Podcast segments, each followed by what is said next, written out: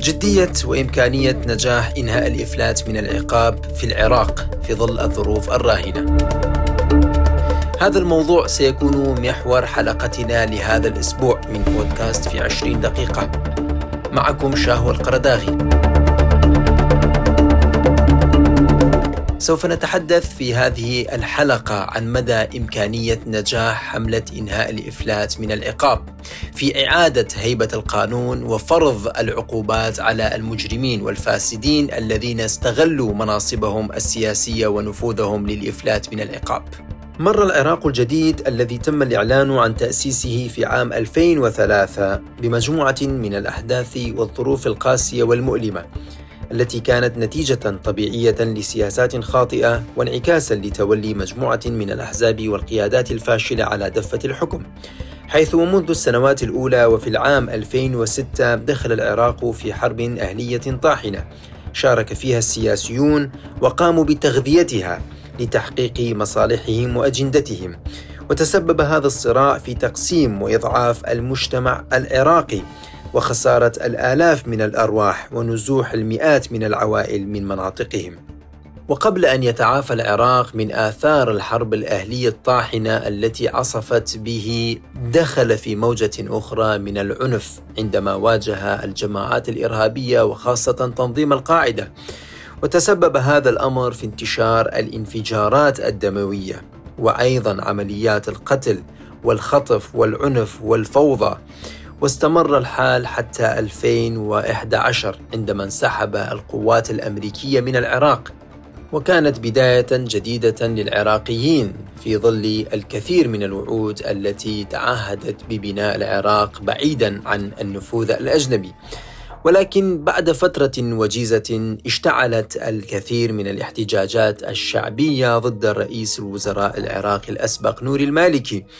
ورفض المالكي حينها الاستجابة لمطالب المتظاهرين واختار قمع الاحتجاجات واستخدام العنف والقوة ونتيجة لهذه المصادمات نتجت وجاءت تنظيم داعش الإرهابي الذي نجح في احتلال ثلث العراق بسبب انهيار القوات الأمنية نتيجة للفساد المنتشر في السلك الأمني والعسكري. وبعدها دخل العراق في مواجهة تنظيم داعش الإرهابي بمساعدة دولية.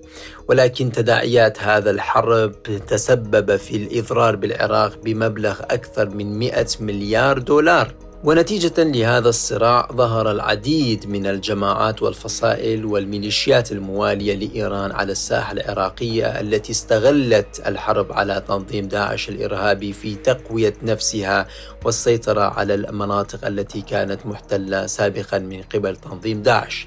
استمر هذا الوضع حتى انتخابات عام 2018 الذي سادها الكثير من عمليات التزوير والغش والتلاعب بالنتائج ما أدى عن تشكيل بيئة سياسية ومنظومة سياسية منحرفة دفعت المواطنين في عام 2019 إلى الخروج في الساحات والمطالبة بالتغيير.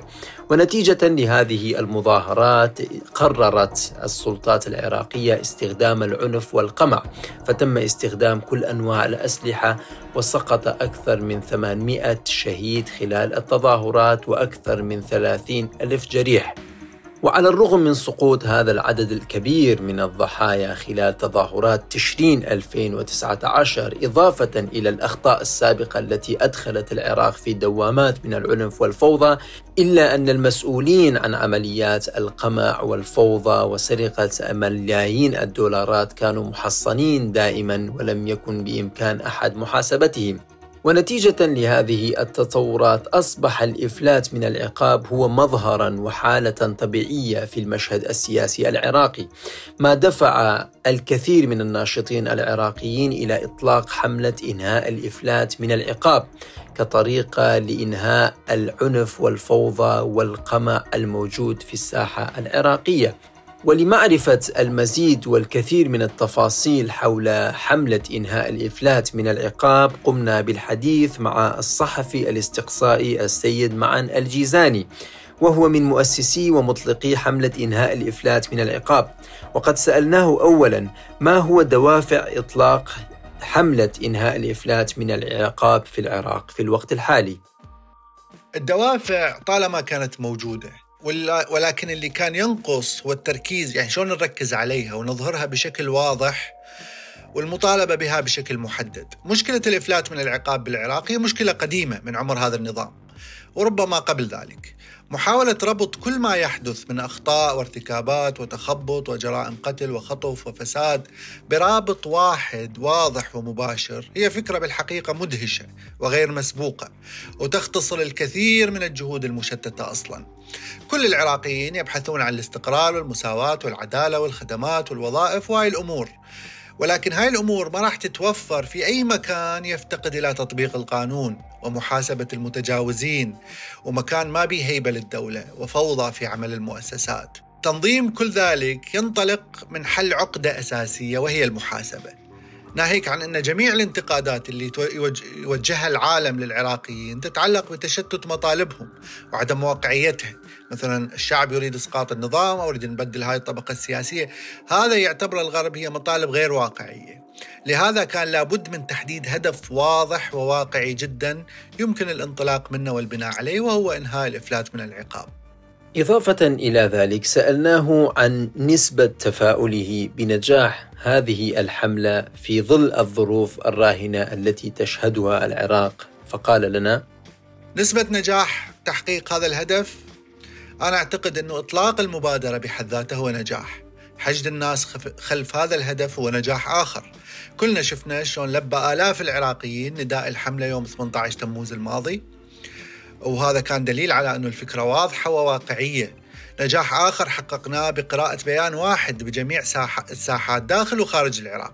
طبعا هذه سابقة ما حد انتبه لها. فعادة كانت تقرأ بيانات متعددة بساحات مختلفة وأحيانا بنفس الساحة تلقى أكثر من مجموعة تقرأ أكثر من بيان. كانت هاي إشارة مهمة جدا وبداية حقيقية نقدر نقول أنه هي يعني بذرة لتوحيد العراقيين خلف فكرة واحدة.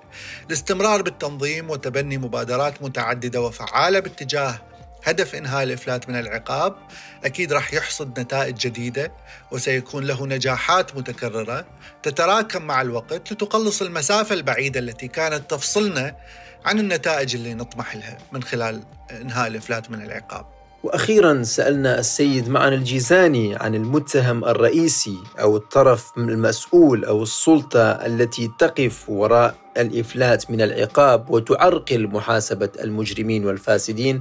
فقال لنا أما المتهم أو الطرف الرئيسي الذي يسهل الإفلات من العقاب فإحنا نعتقد بأن أبناء السلطة اللي اللي قاموا ببناء هذه العملية السياسية في العراق اعتمدوا بشكل أساسي على تغييب صوت الناس وحقوقهم وخصوصا بعد تقسيم العراقيين إلى طوائف دينية وعرقية وقومية ليتم تمثيلهم على شكل قطعان متفرقة. يكون لها مندوبين منتخبين يختصرون حقوق كل تلك المجموعات بذواتهم هم. هذا التغييب القسري المتعمد خلق حالة حالة من الاستهانة بالحقوق الفردية للناس وعطل عمل القانون اللي يفترض به حماية الناس وعطل عمل المؤسسات اللي يفترض بها أن تقدم لهم الخدمات. وصار الاعتراض الفردي على هذا الخلل هو بمثابة تعدي على الحقوق المقدسة للقطعان الطائفية والقومية الممثلة أساسا بفئة صغيرة. إذا الجهات التي أنشأت هذه السلطة وفق هذا البناء المناقض لفكرة القانون والمواطنة هي المسؤولة عن بقاء واستمراره. والمقصود هنا طبعا الطبقة السياسية والأحزاب والمجتمع الدولي الداعم والمساند لهذه الصيغة المجحفة. لهذا معركتنا هي لإجبار هذه الأطراف على احترام القانون أولا والحقوق الفردية والاجتماعية للسكان ثانيا وأيضا مساعدة الناس على فهم حقوقهم بشكل واقعي بعيدا عن الدعايات العاطفية اللي تحاول زجهم من جديد في قطعان جديدة ولكن مضادة للقطعان اللي أسستها السلطة.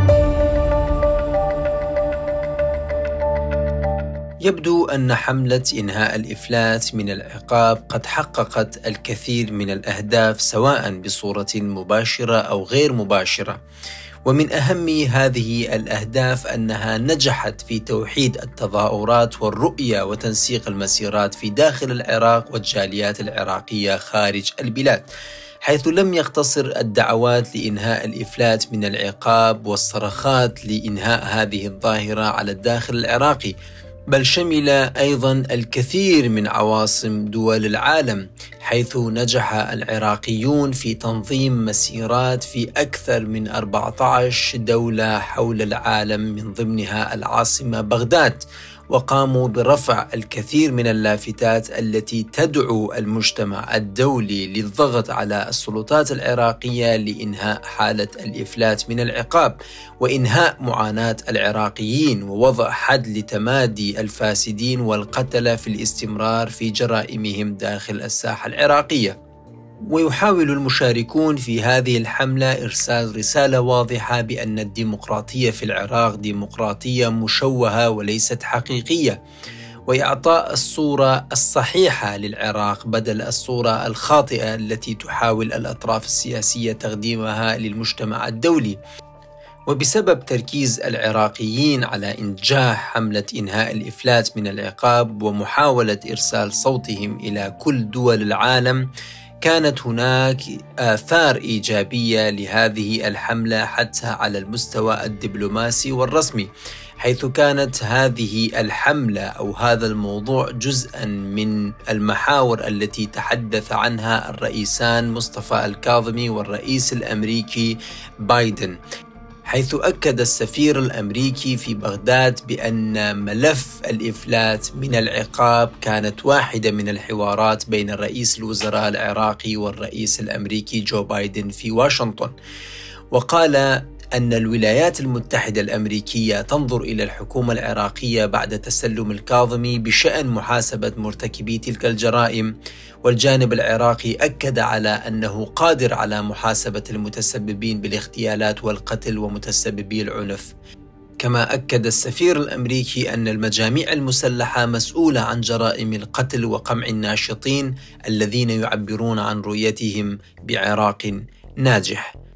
ومن خلال هذا الموقف يظهر لنا بوضوح أن أصوات العراقيين ومن خلال هذه الحملة بدأت تصل إلى العواصم الدولية ولم تقتصر على الداخل العراقي. وللحديث أكثر عن هذا الموضوع وجدوى وأهمية حملة إنهاء الإفلات من العقاب ومدى نجاحه سوف نتحدث مع الناشط العراقي والمدون ياسر الجبوري. ونسأله عن مدى إمكانية التفاؤل بهذه الحملة في ظل الظروف الراهنة. السؤال الأول هل من الممكن التفاؤل بدعوات إنهاء الإفلات من العقاب؟ بالطبع أنا أحد الداعمين شخصيا لحملة إنهاء الإفلات من العقاب. أتصور هي أفضل الحركات اللي قاموا بها جماعة مستقلة طبعا ما بعد أحداث تشرين بهذا الشأن. انهاء الافلات من العقاب هي دعوه لتطبيق القانون واتصور هي أمنية وطلب كل عراقي من سبعة إلى 18 سنة. اللي صار في العراق من السنوات السابقة من الفساد الإداري والمالي والجريمة المنظمة والميليشيات هو بسبب انهاء هو سبب الإفلات من العقاب. هو سبب عدم خوف المجرم أو الفاسد من القانون العراقي وتطبيقه عليه أو تطبيق عليه. ولنا أمثلة كثيرة في هذا الخصوص في السنوات الماضية لمسؤولين أفلتوا من العقاب بسهولة جدا أو بعقاب يسير مقارنة بالجريمة اللي ارتكبوها. وبما أن التفاؤل موجود بهذه الحملة وخاصة في ظل النتائج الإيجابية التي خرجت خلال الفترة الماضية فإننا سوف نسأل أيضا السيد ياسر هل الأحزاب السياسية تخشى من هذه الحملات فعلا وهي قادرة على تعطيل أدوات المحاسبة والمعاقبة في العراق وتتدخل في كافة السلطات والصلاحيات بيدها؟ الأحزاب بالتأكيد تخشى هذه الحملات لأن هذا دعوة جديدة للوقوف بوجه الأحزاب وهي مسيطرة بشكل كامل تقريبا على عقود الفساد وما يحصل من محاصصة إدارية. فهذه الدعوات المدنية أو الشعبية هي تكون خطر حقيقي على الأحزاب داخل الحكومة الحالية أو خارجها. وفي الحكومات المستقبلية وأخيرا السؤال الأهم ما هي الخطوات اللازمة لإنهاء الإفلات من العقاب في المرحلة المقبلة بحسب السيد ياسر الجبوري. الخطوات اللازمة لإنهاء هذا الانحراف آه، هو تطبيق القانون وهو المطلب الجماهيري الوحيد اللي يمكن أكثر العراقيين يتفقون عليه، تطبيق القانون بشكل تام على كل مسؤول عراقي يستلم منصب أتصور أحد المطالبات بالسنوات السابقة كانت هي آه، المطالبة بتشريع قانون من أين لك هذا؟ آه، أغلب المسؤولين من عندما يستلم منصب يكون ذو دخل محدود و يملك بيت أو سيارة لكن بعد أشهر من الاستلام يصبح ذو عقارات وداخل العراق وخارج العراق مثل ما شاهدنا الاعترافات الأخيرة لجمال الكربولي. وكم يملك من العقارات تحت أسماء مختلفة. ويجب يجب تطبيق القانون على الجميع. هو الحل الوحيد. يجب تشريع قانون من أين لك هذا؟ يجب تشريع. تطبيق تنفيذ القوانين الخاصة بالأموال التابعة لل الشخص المسؤول ولعائلته المقربة من الدرجة الأولى والدرجة الثانية.